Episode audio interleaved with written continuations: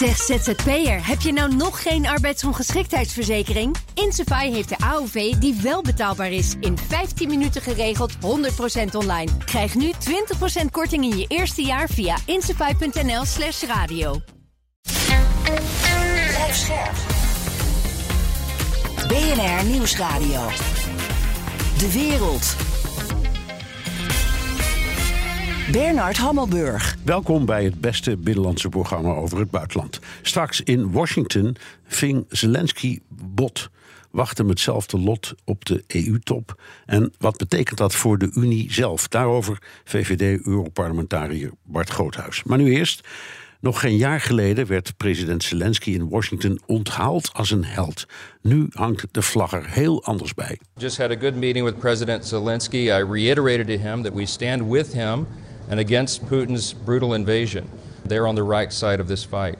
What the Biden administration seems to be asking for is billions of additional dollars with no appropriate oversight, no clear strategy to win, and, and none of the answers that I think the American people are owed. Dat zei de speaker van het Huis van Afgevaardigden, Mike Johnson. Het lukte Zelensky niet om het verzet van het congres tegen een nieuw hulppakket te breken. Een stevige dreun voor Zelensky en Biden. En dat terwijl Oekraïne op het slagveld nauwelijks vorderingen maakt. Ik praat erover met Peter Weininga, defensiespecialist van het Den Haag Centrum voor Strategische Studies. Goedemiddag, Peter. Hey Bernard, goedemiddag. Goedemiddag. Zonder voortzetting van Amerikaanse steun ziet het er beroerd uit voor Oekraïne. Hoe beroerd? Um, nou, als die zou wegvallen, die steun, en dat is natuurlijk nog steeds niet zeker, omdat er nog in Washington druk onderhandeld wordt. Um, dan uh, zou dat onmiddellijk tekort op de begroting van Oekraïne kunnen veroorzaken. Volgens een woordvoerder van uh, president Zelensky zou dat waarschijnlijk tot een tekort van 30 miljard euro leiden.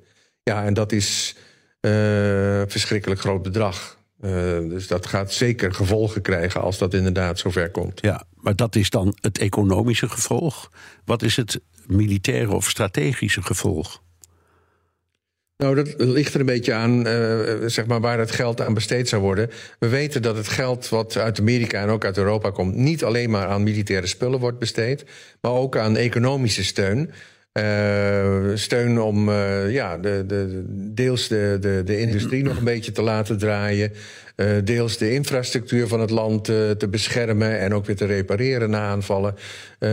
deels medische zorg. Dus het geld wordt aan heel veel dingen besteed. En het is een beetje lastig te voorspellen waar dan meteen de tekorten zullen ontstaan. Maar je kunt er natuurlijk wel van uitgaan dat daar ook een flink tekort aan wapens en munitie zal ontstaan. Ja, het probleem is tweeledig. De Trumpisten zijn simpelweg tegen hulp aan Oekraïne. Uh, en ze eisen eerst miljarden voor het oplossen van de migrantenstroom via de Mexicaanse grens. Wat denk je, komt er een compromis? Uh, want ik, ik, ik dacht, het laatste bericht was dat Biden daar dan heel hard over aan het onderhandelen is. En als dat compromis komt, komt het dan nog op tijd? Want het duurt allemaal zo lang. Ja, het duurt allemaal erg lang inderdaad. En ik denk inderdaad dat Biden wel uh, moet uh, onderhandelen over die maatregelen, extra maatregelen aan de grens met Mexico, hè, waar langs allerlei migranten binnenkomen. Uh, dat zal inderdaad ook uh, geld kosten. Dat geld zal waarschijnlijk ook wel afgaan van het budget wat men eventueel aan Oekraïne zou willen besteden. Dus ik denk uiteindelijk dat men er wel uitkomt, maar dat er in ieder geval wel minder geld naar Oekraïne gaat dan aanvankelijk de bedoeling. Hè? Men sprak over 50 miljard. Ja. ja, dat zal denk ik wel minder worden. Ja, en later. Minder en later. Daar komt en later. Ja. Okay. ja, de vraag is wat het dan precies betekent later. Maar uh, goed, dat moeten we even afwachten. Ja, dat is waar. Nou, ik, ik, Poetin is geheel onthouder. Maar anders zou die uh, aan de champagne gaan, toch? Nou, ik denk in ieder geval dat hij al in zijn handen wrijft. En je zag het ook al. Hij heeft voor het eerst sinds een aantal jaren weer een persconferentie gegeven. Um, een jaarlijkse persconferentie, dat was traditie, maar dan heeft hij twee jaar lang niet gedaan. En nu was hij uitermate opgewekt tijdens deze conferentie. Want ja, weet je, het gaat hem voor de wind in die zin um, dat de de eensgezindheid die uh, we in Europa hebben gezien en ook in de Verenigde Staten uh, toch al aan het afbrokkelen is. En dat is uh, goed nieuws voor Poetin. Ja, um, nou even naar dat Oekraïense tegenoffensief. Daar hebben we het al vanaf het afgelopen voorjaar over. Kun je zeggen dat het is mislukt? Ja, dat is heel lastig. Uh, wij in het Westen kijken natuurlijk graag naar kilometers veroverd terrein. En dat is erg tegengevallen. Want als je uitzoomt, uh, zeg maar, in het hele front bekijkt, dan zijn er kleine nou, snippers uh, van de Russische veroveringen teruggesnoept. maar het heeft niet geleid tot een definitieve doorbraak. En zeker niet tot het bereiken van Melitopol, wat met name in het zuidelijke offensief de bedoeling was. Um, dus ja, eh, dan kun je zeggen inderdaad, men heeft die doelen niet gehaald. Dat heeft de opperbevelhebber van Oekraïne, eh, generaal eh, Zaluzhny, ook al aangegeven in een interview met The Economist van een paar weken terug, waar veel over te doen was. Nou en of zeg. Uh, Zelensky ontplofte. Ja. ja.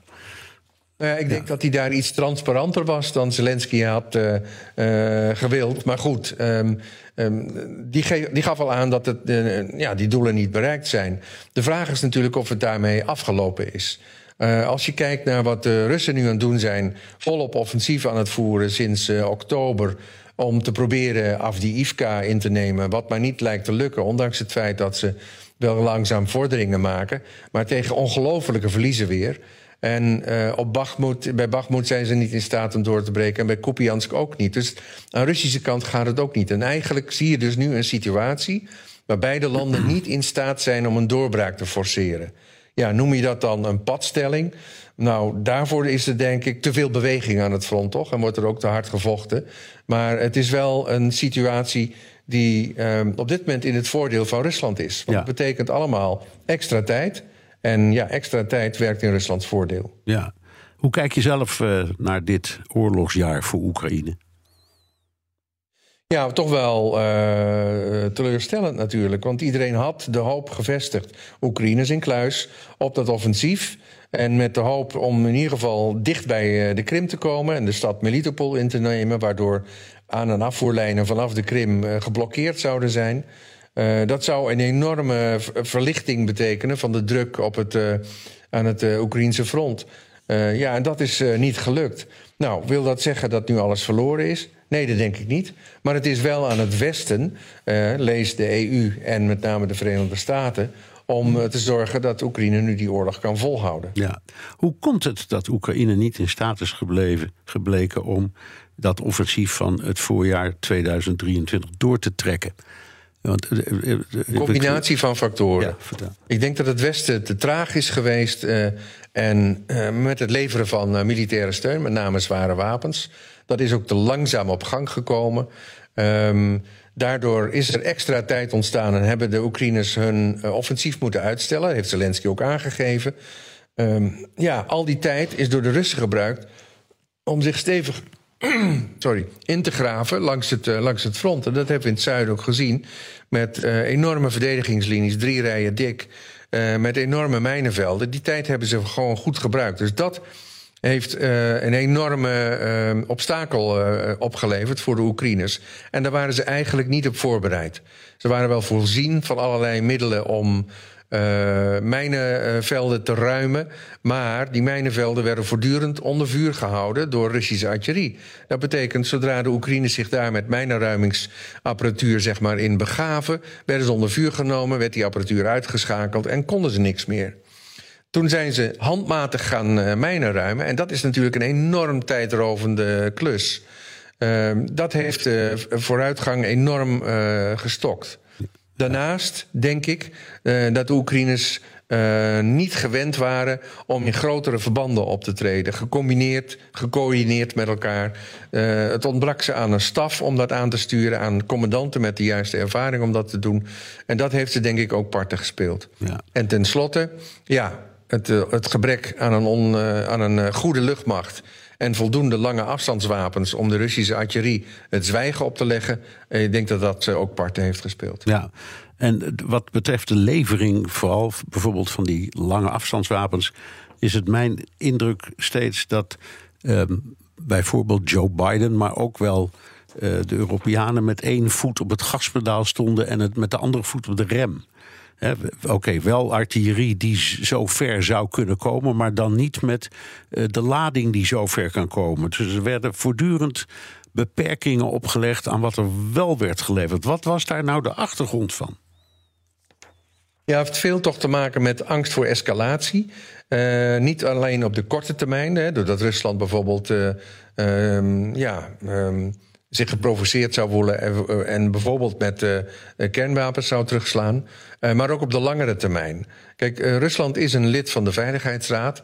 daar valt niet aan te torten. Dat betekent dat je op de lange duur toch met Rusland weer tot een soort verhouding moet komen. En ik denk dat men uh, de besluiten omtrent het sturen van zware wapens... en ook in de voldoende aantallen, want dat is natuurlijk ook wel een, een belangrijk punt...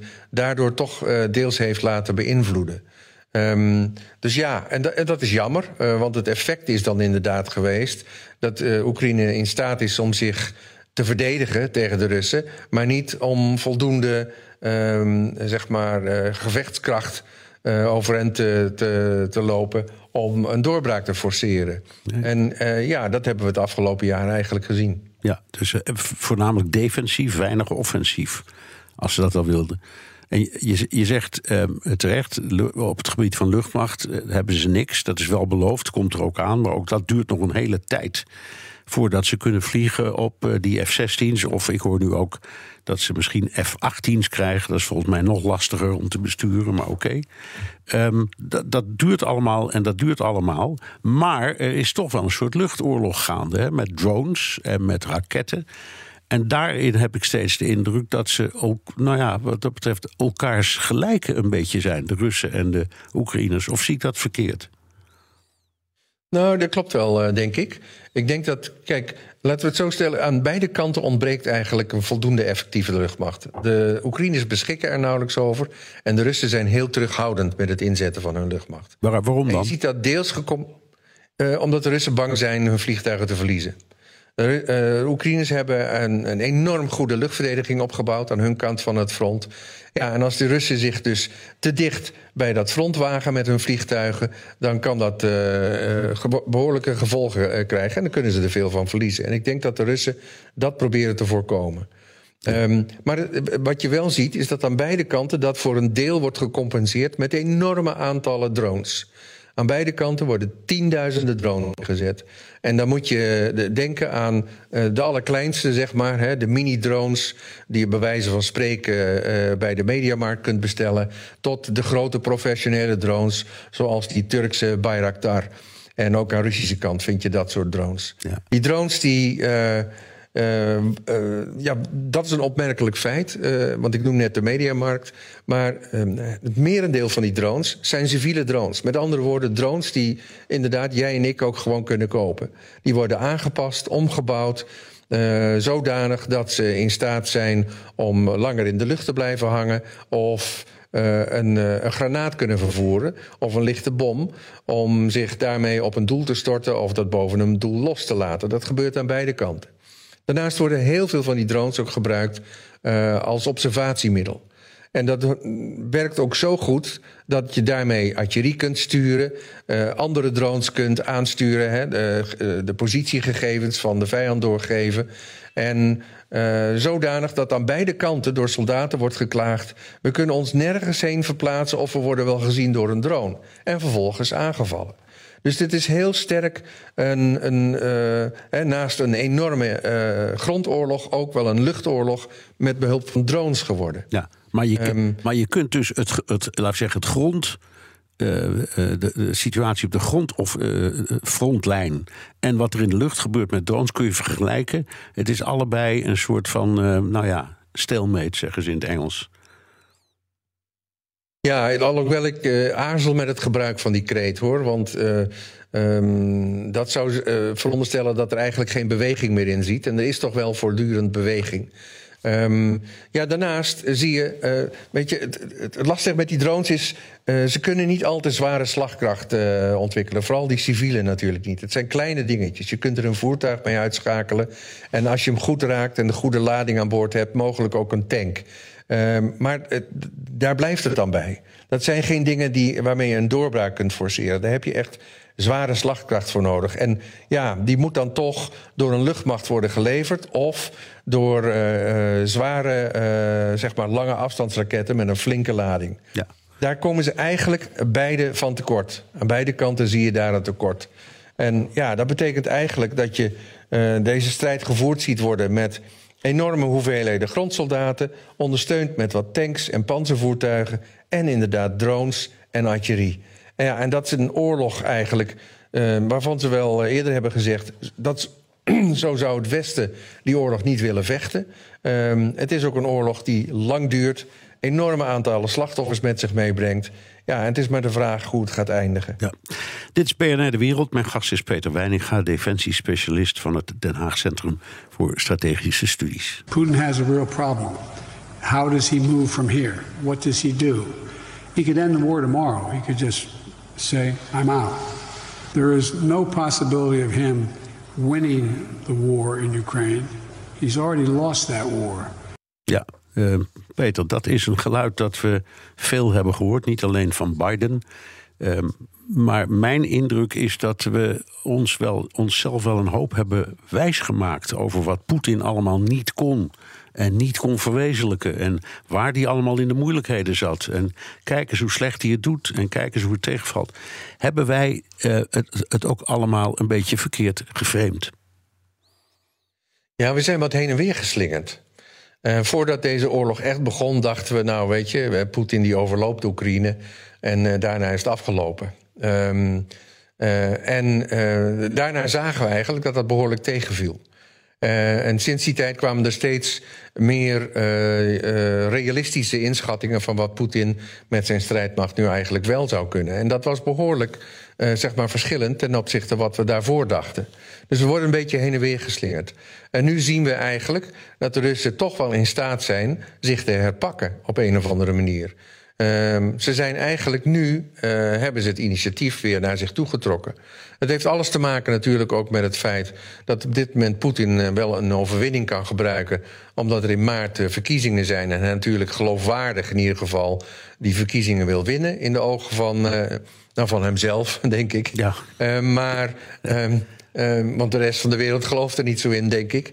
Maar um, um, het geeft al aan dat de Russen natuurlijk vanwege die enorme hoeveelheid mensen uh, die ze kunnen militariseren en inzetten aan het front, al of niet getraind, ehm, nog lang niet verslagen zijn. En zich kunnen veroorloven blijkbaar enorme verliezen te leiden in mensen en materieel. Om de strijd van een, nou ja, volledig in puin geschoten dorpje zoals Avdiivka.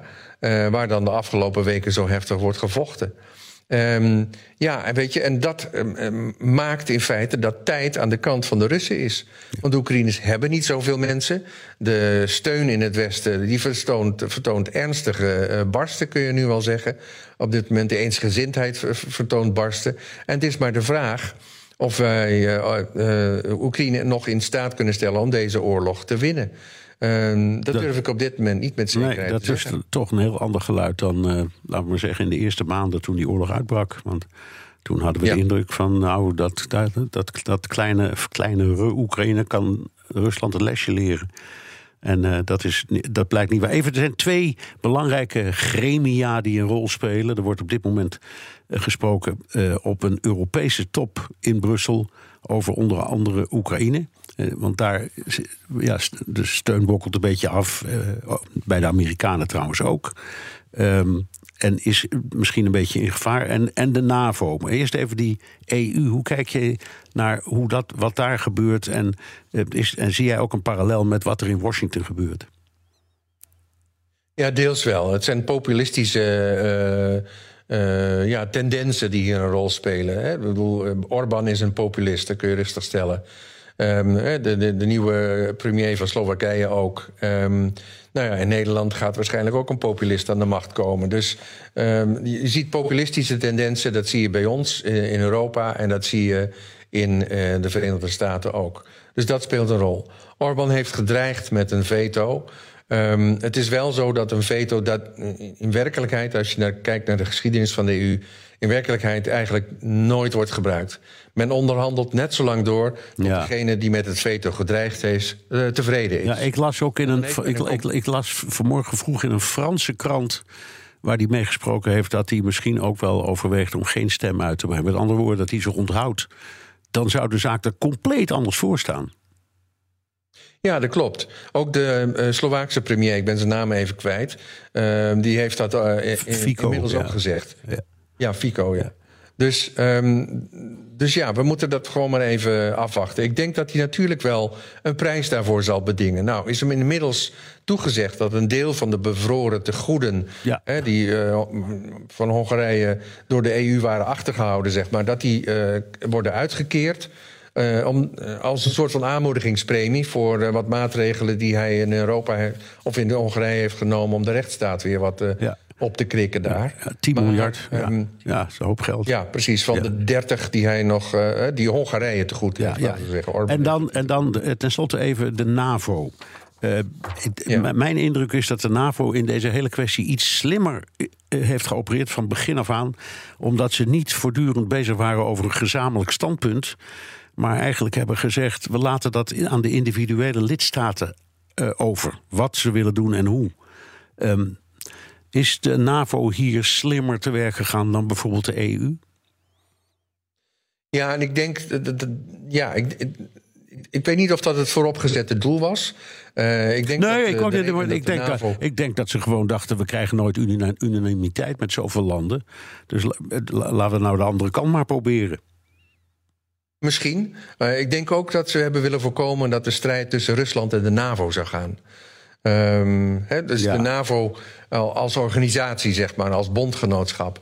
Dus, maar ze hebben natuurlijk wel de individuele NAVO-leden ondersteund op allerlei uh, gebied voor wat betreft uh, de, de onderlinge afstemming, et cetera.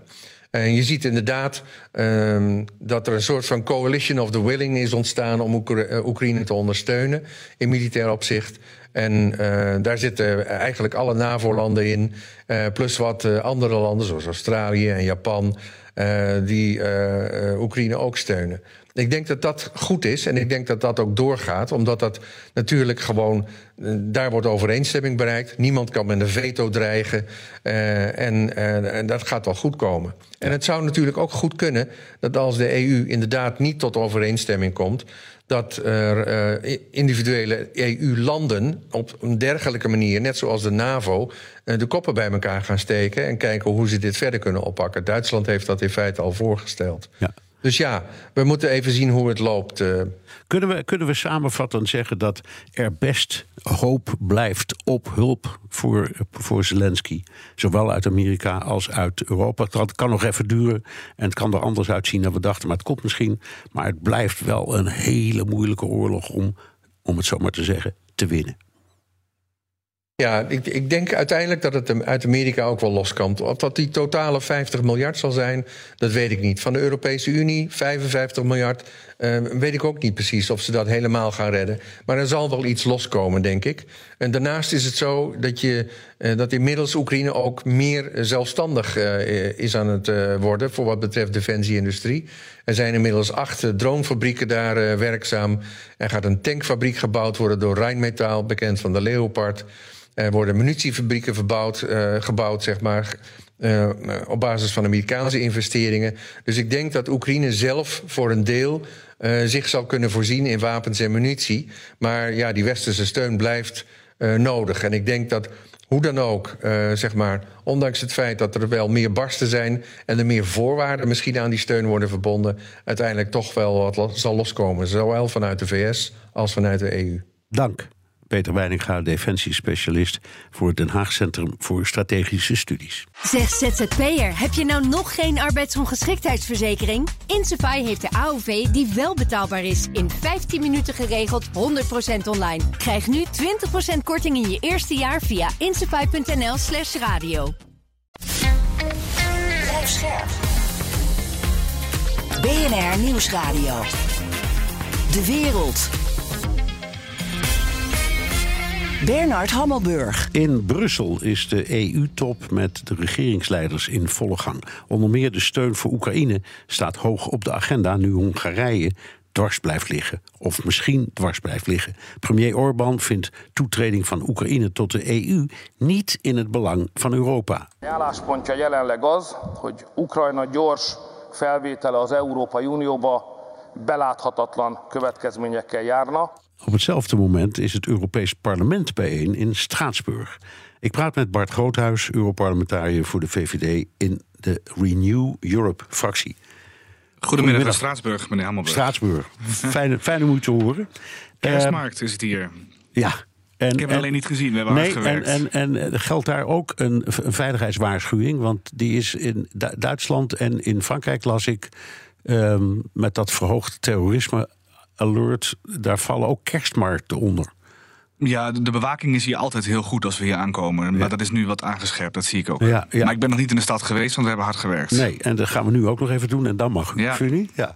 Ja. Oké, ehm, we gaan het even over hebben over de, dus de, de, de, de steun aan Oekraïne. Amerikaanse studie aan Oekraïne valt misschien af, ehm, wordt misschien nog een compromis. Maakt u zich extra zorgen over de EU-steun?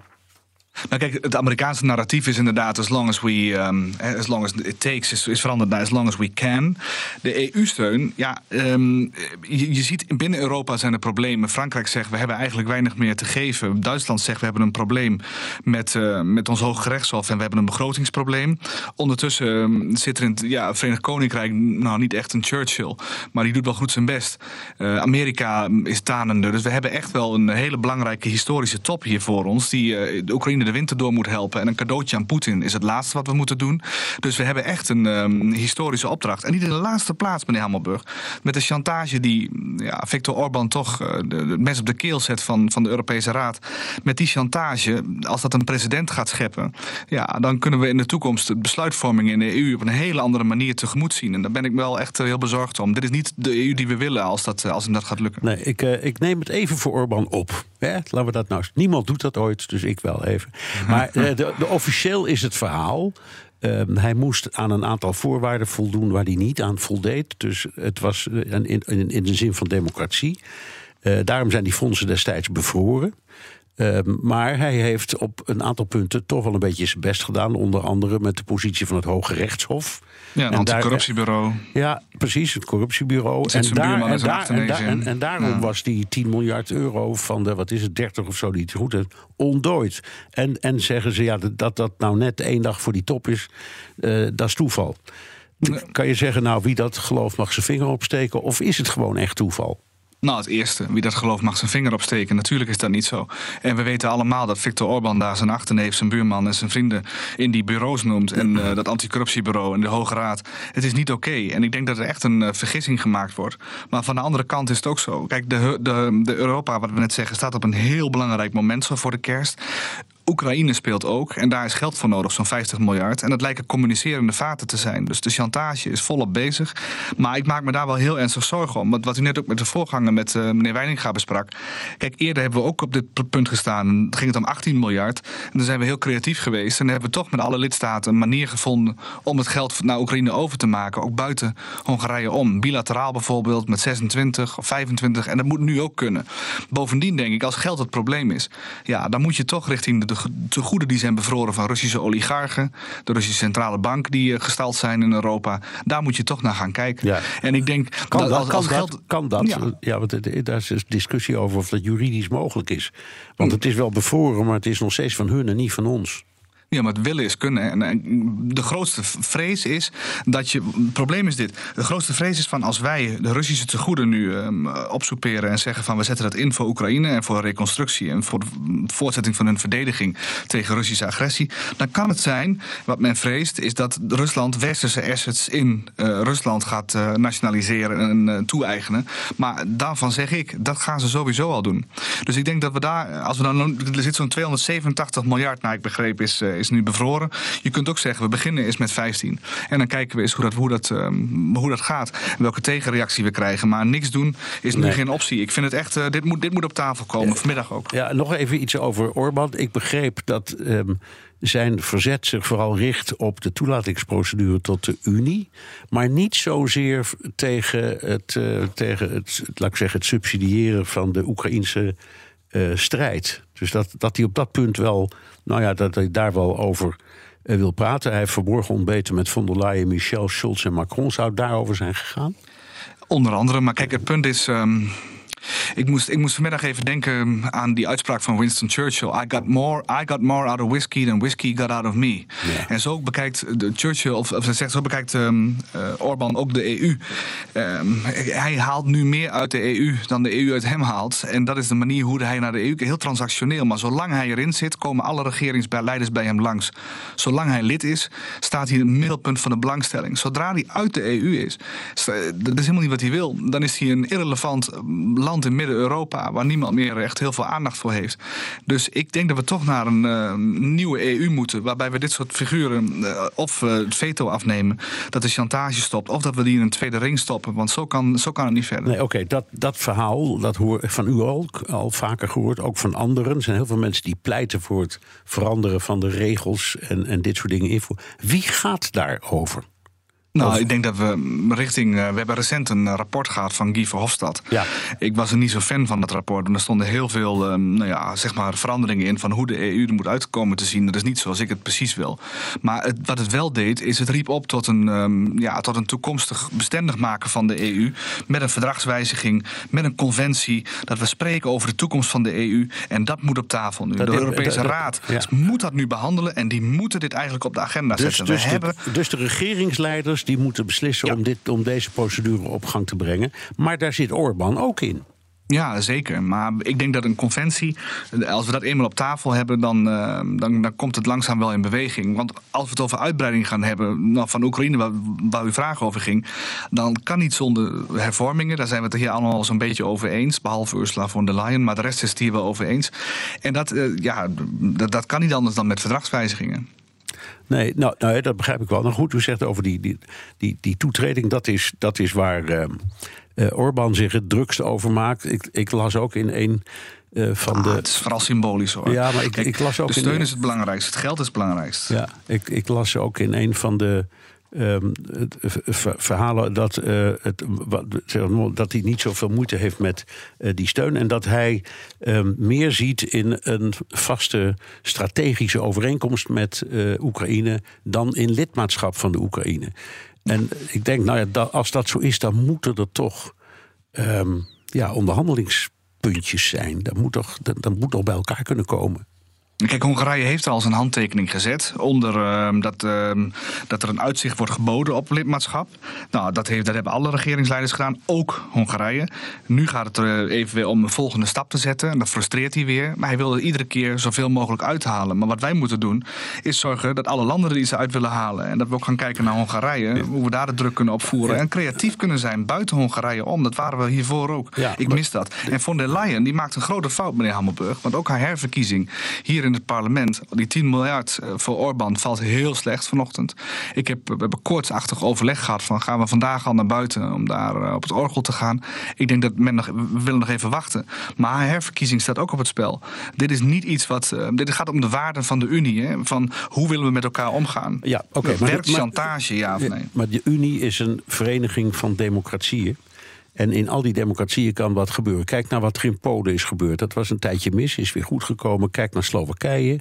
Eh, kijk naar Nederland, waar de PVV wint. Ja, eh, dat gebeuren, die dingen gebeuren. En dan moet de andere, de andere democratieën in onze vereniging van democratieën, die de EU heet, die moeten daarmee leven. Het is niet anders. Iedereen moet leven met elkaar, maar je moet ook con- constructief kunnen kijken hoe, eh, hoe we als, als blok eh, voort kunnen zetten. En dit gaat om geopolitiek. En wat we nu zien is dat de EU verschuift van een waardeunie naar een geopolitieke unie. En op zich is dat eh, eh, begrijpelijk, want Oekraïne steunen wordt gezien als, als nog belangrijker. Maar Oekraïne vecht wel voor onze waarden. Ja. En het is wel zo dat als we die waarden niet meer hebben, waarom zitten we dan bij die unie? Ja, dat is natuurlijk. Dat is waar, maar dat is niet, dat is niet de opvatting van, de, van de, de PVV, waar uw partij op dit moment mee aan het onderhandelen is. eh, om mogelijk om een nieuw kabinet eh, eh, samen te stellen. Als ik u zo hoor, moeten we dat dan wel willen? Of moet u dat dan wel willen? Nou, kijk, Den Haag bepaalt eh, soeverein wat ze doen. Ik ga daar niet over. Ik ben hier gekozen. Het is wel zo dat ik heel veel vragen krijg over Wilders en wat het betekent. En die vragen zijn vaak wel terecht. Je moet wel goed kijken van wie stuur je in Europa naartoe om ons land te verdedigen. Dat is natuurlijk wel een reële vraag. Ja. Ehm, en, wat is uw antwoord dan? Nou, ik ga er niet over. Maar ik denk wel dat Nederland uh, en de geloofwaardigheid van Nederland op internationaal gebied, daar hebben we heel veel aan te danken. We hebben heel veel te danken aan de EU. We halen echt. We got more out of the EU than the EU got out of us, zeg ik altijd. Net als om Churchill dus weer, weer te citeren. Maar het is niet zo dat, uh, dat de PVV dat zomaar kan veranderen. Nee. Da, da, daarom zit ik denk ik ook die onderhandelingen nu uh, in Den Haag. De, de, de, internationale component is essentieel. En ik denk de stemming dat de steun aan Oekraïne wordt voortgezet met zo'n twee derde of 70 procent van, van het parlement ja, dat is gewoon heel positief. Dat is positief. Nog even één, uh, één belangrijk ding waar u ons op hebt gewezen... en dat uh, ook uh, groot nieuws blijkt te zijn... dat is dat Eurocommissaris Breton zegt dat we de, de, de voorgenomen hoeveelheid artilleriestukken... voor Oekraïne van, van meer dan een miljoen gaan halen. Ja, hij zegt zelfs dat we 1,3 of 1,4 ja, miljoen gaan halen. Dat is groot nieuws. Ja, dat vind ik wel. Want er was altijd de vraag van gaan we wel een miljoen artilleriestukken halen? En nu gebeurt het. Het is wel zo, we zijn weer afhankelijk van de lidstaten of het geld er komt. Dus ook daarom is die EU-top zo essentieel. Ja. Dit is BNR De Wereld. Mijn gast is Bart Groothuis, VVD-Europarlementariër in de Renew Europe-fractie. The US intelligence community assesses that China almost certainly is capable of launching cyber attacks that could disrupt critical infrastructure services within the United States, including against oil and gas pipelines. Veiligheid is een belangrijk thema binnen de EU met een, met een oorlog op ons continent. Maar daaronder zit iets wat misschien nog wel gevaarlijker is: de dreiging van een grote hack. Zo wordt een aanval op energieinfrastructuur in Denemarken van dit jaar gelinkt aan de Russen. Mm. zien we dat vaak. Uh, de Washington Post berichtte deze week dat China geprobeerd heeft om infrastructuur op het gebied van energie, water, communicatie plat te leggen. Hoe zeker, uh, meneer Groothuis, weten we dat dit Chinese hacks zijn? Nou, kijk, de Russische hek op uh, de Deense uh, zaken die zijn naar buiten gebracht door de Deense overheid. We zien dat de Amerikaanse inlichtingengemeenschap hetzelfde heeft gedaan en de Chinese attributie heeft gedaan. En da daar mogen we gevoeglijk van uitgaan. Maar wat het belangrijkste hier is, is dat er een grote verschuiving is. We hebben de Chinezen de afgelopen twintig jaar gigantisch veel intellectueel eigendom en spionage zien beoefenen, diefstal en spionage zien beoefenen. En nu zien we een verschuiving echt op sabotage. En dat betekent dat als je kijkt naar de Chinese militaire doctrine bijvoorbeeld, dan willen ze land, lucht, zee en space, maar ook cyber gezamenlijk optreden. Dat betekent raketaanvallen tegelijk uitvoeren met digitale aanvallen. Maar als je dat wil doen, moet je al ver van tevoren moet je al een bepaalde instelling gehackt hebben. En dat is wat hier gebeurd is. Zo'n 25 instellingen in Amerika, en waaronder op Hawaii, waar hele belangrijke uh, militaire uh, capabilities liggen van de Amerikanen in het geval ja. met Taiwan een oorlog komt. En dat is echt een, een, een prepositionering op een toekomstige oorlog. In, en daarom maak ik me zo zorgen wat er in Denemarken is gebeurd. Daar hebben de Russen zich gepositioneerd. Niet één groep, maar verschillende groepen, eh, volgens het rapport. En hebben ze heel getarget twee keer toe geprobeerd om heel Denemarken in één keer zwart te krijgen. Ja. En dat is, een, dat is gewoon oorlogvoorbereiding. Ja, ja, en daar maak ik me ernstig zorgen om. Ja, ik begrijp het. Ik, ik, ik stel me altijd voor dat een moment komt dat iemand in een ver land een knopje om kan zetten. En dan gaat in heel Nederland het licht uit. Ik doe maar. En dan word ik altijd uitgelachen. Maar u zegt, nou, het zou best eens kunnen. Dat was het doel van deze operatie ja. en ze zijn ver gevorderd. En het mooie van de Deense overheid is, en ik heb in mijn vorige functie bij Defensie ook wel eens samengewerkt met de Denen, hele competente mensen. Maar die hebben sensoren in hun vitale infrastructuur, die weten wat er gaande is.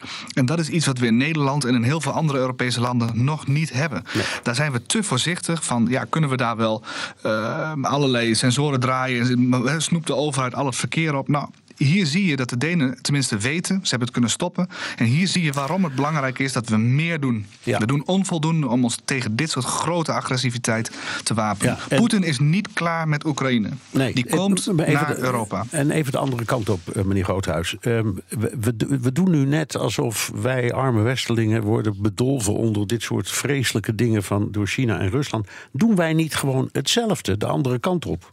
Het klinkt, nou, we zijn toch ook niet van de straat, zou ik maar zeggen? Nee, die vraag die is, die, is, die is terecht. We hebben zelf ook cybercommando's en inlichtingendiensten die dit kunnen doen. En het is ook niet dat we daar um, volledig in ons hem staan. Alleen het punt is alleen, dit is niet zoals een militaire uh, strijd is van je kunt een krachtmeting doen. Dit is een asymmetrische strijd, zoals we dat noemen. Een land kan, degene die het eerst aanvalt, een gigantisch voordeel uh, krijgen. En als je uh, je nestelt in onze eigen vitale infrastructuur, zoals de Chinezen en de Russen nu doen, dan kunnen zij in het geval van een militaire confrontatie kunnen ze ons volledig overrompelen. En daar is waar ik me heel erg druk om maak. Vooral de verdediging van onszelf en onze eigen aanvalscapaciteiten. Ja, daar zou ik niet zo mee zitten. Het is meer van onze verdediging. Die moet op orde. Ja, ik, ik, ik, ik begrijp het. En, en dan heb je ja, de ASML-kwestie, die, die, die, die, speelt nu al een tijdje. Uh, de FD schreef dat eh, Amerika de regels kan verhinderen... zodat ASML naar China exporteert. Uh, vorige week was er een top van EU en China. Die duurde wel, wel geteld één middag. En toen gingen ze met Norse gezichten weer uit elkaar. Um, is het niet zo dat, eh, als je nou kijkt naar, even omdraait, kijkt naar uh, de ondernemers, naar het bedrijfsleven, die hebben onder elkaar, Europa, Amerika, China, best goede contacten. Hoe komt het dat dat zich niet vertaalt naar wat er op regeringsniveau gebeurt? Omdat de, de, oude politicologische theorie van interdependentie, van we handelen, we doen hè, wandel door handel, die wordt gelogenstraft. Dat, dat klopt gewoon niet met die autocratische regimes. Die zijn bezig met een ander programma dan met democratische landen dat zijn. Die willen misschien wel handelen en des te meer afhankelijk je wordt, des te meer we naar elkaar gaan luisteren en oorlog blijft uit. Maar met autocratische regimes die de liberale wereldorde willen omturnen en meer die, eh, die, die, deal-based order willen en, en invloedzones willen, dat is wat zo fnuikend maakt. En dat betekent dat alle wapens worden ingezet, ook onder artikel 5 van de NAVO, ook onder militaire dreiging, zoals verkiezingen beïnvloeden, sabotage, spionage, maar ook economische dwang en andere middelen. En die nieuwe dreigingen, daar gaat het nu om hier in Europa. Daar kunnen wij ons een vuist tegen maken. En daarom is die top van EU-China zo belangrijk. En in de toekomst, ga ik voorspellen, gaan we richting exportcontroles. Maar gaan we ook kijken van hoeveel bedrijven gaan nog investeren in China. En moeten we daar een toets op doen. Bovendien moet het worden aangescherpt dat Chinese overnames van strategische industrieën hier uh, aan banden, verder aan banden worden gelegd. En daarom was die top, denk ik, ja, een beetje zure gezichten. Want Europa maakt zich klaar voor de storm. Er komt een hele hoop nieuwe maatregelen en instrumenten om ons beter te kunnen weren. Zeker in het geval er een oorlog plaatsvindt in China. Want China geeft elk jaar 1% meer uit dan ze, uh, de, de GDP, de BNP-groei, aan zijn eigen defensiemacht. Met andere woorden, ze maken zich klaar voor een oorlog in Azië. Ik maak me ernstig zorgen over hoe wij daar zijn geprepositioneerd om daar goed op te reageren. Ja, en um, nou ja, heel kort nog maar even, we hebben het al vaak over gehad. Wat moet, wat, gewoon in de acute sfeer, wat moet Europa doen? Ja, eh, de, de defensieuitgaven sowieso uh, heel, heel fors vergroten. En dan 2% denk ik niet dat voldoende is. En ik denk ook wel dat onze gemeenschappelijke eenheid, zeg maar de gezamenlijkheid, de, de, de politieke wil, dat is eigenlijk ons allergrootste wapen. En daar moeten we vooral in investeren. En eh, mocht dat allemaal wat tegenzitten, dan moeten we toch zorgen dat we zelfstandig mee kunnen. Dus stel, ik noem eens een scenario, Trump wordt gekozen. Het eerste wat we ochtends moeten doen, wat president van der Leyen ook moet zeggen, is we gaan door met de steun aan Oekraïne. En desnoods alleen, if necessary for years, if necessary alone. Hè. Ik, ik citeer weer Churchill. Het gaat erom dat we de, onze, onze vastberadenheid blijven, blijven uitstralen. Ja, ja nou ja, het is belangrijk om te beseffen dat tot, tot Pearl Harbor gaat uh, Churchill ook geen millimeter steun uit Amerika. Hè? Maar goed, nee. praten we een andere keer over. Dank, Bart Groothuis, VVD-Europarlementariër in de Renew Europe-fractie. Postma in Amerika.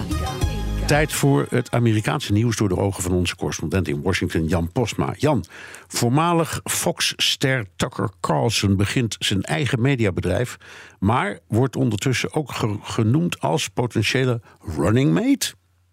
Ja, eerst maar eens eh, naar dat mediabedrijf, zijn streaming service, eh, de Tucker Carlson Network. Voor maar 9 dollar per maand krijg je toegang tot alle interviews, programma's, monologen die hij maakt. En uh, ja, voor wie het vergeten was, die Tucker Carlson is een grote meneer. Hè? De, grote ster van Fox News werd ontslagen vlak nadat zijn werkgever uh, 700 miljoen dollar aan Dominion moest betalen vanwege het verspreiden van leugens over stemfraude.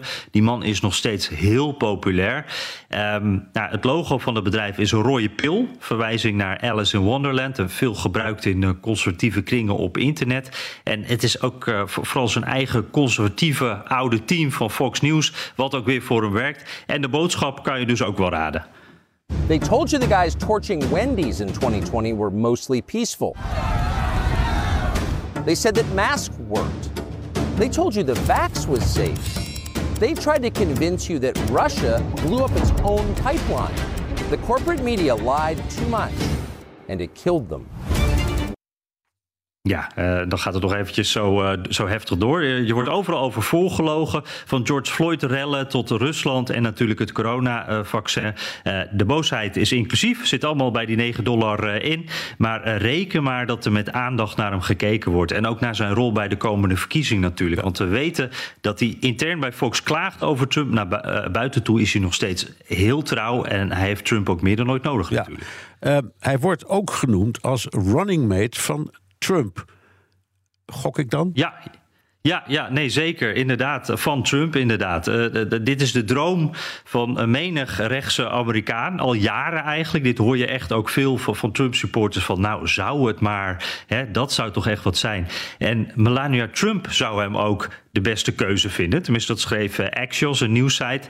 En uh, na dat bericht werd het weer helemaal onderwerp van gesprek. En Trump werd er zelfs uh, zelf nagevraagd. En hij klinkt heel enthousiast. Would you consider it's, it's Tucker, though, that they based on the... I like Tucker a lot. I guess I would. I think I'd say I would. Because he's got great common sense.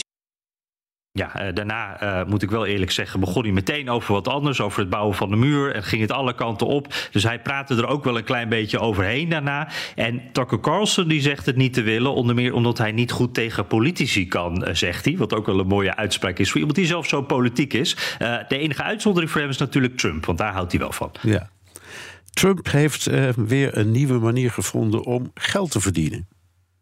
Ja, hij heeft een uh, nieuwe lading NFT trading cards. Uh, ja, een soort uh, virtuele verzamelkaarten. die kan je voor 99 dollar per stuk kopen. Er zijn er 47. symbolisch, want Trump wordt ook de 47ste pre president, zegt hij zelf. En ja, er staan een soort stripfiguurachtige tekeningen van Trump op.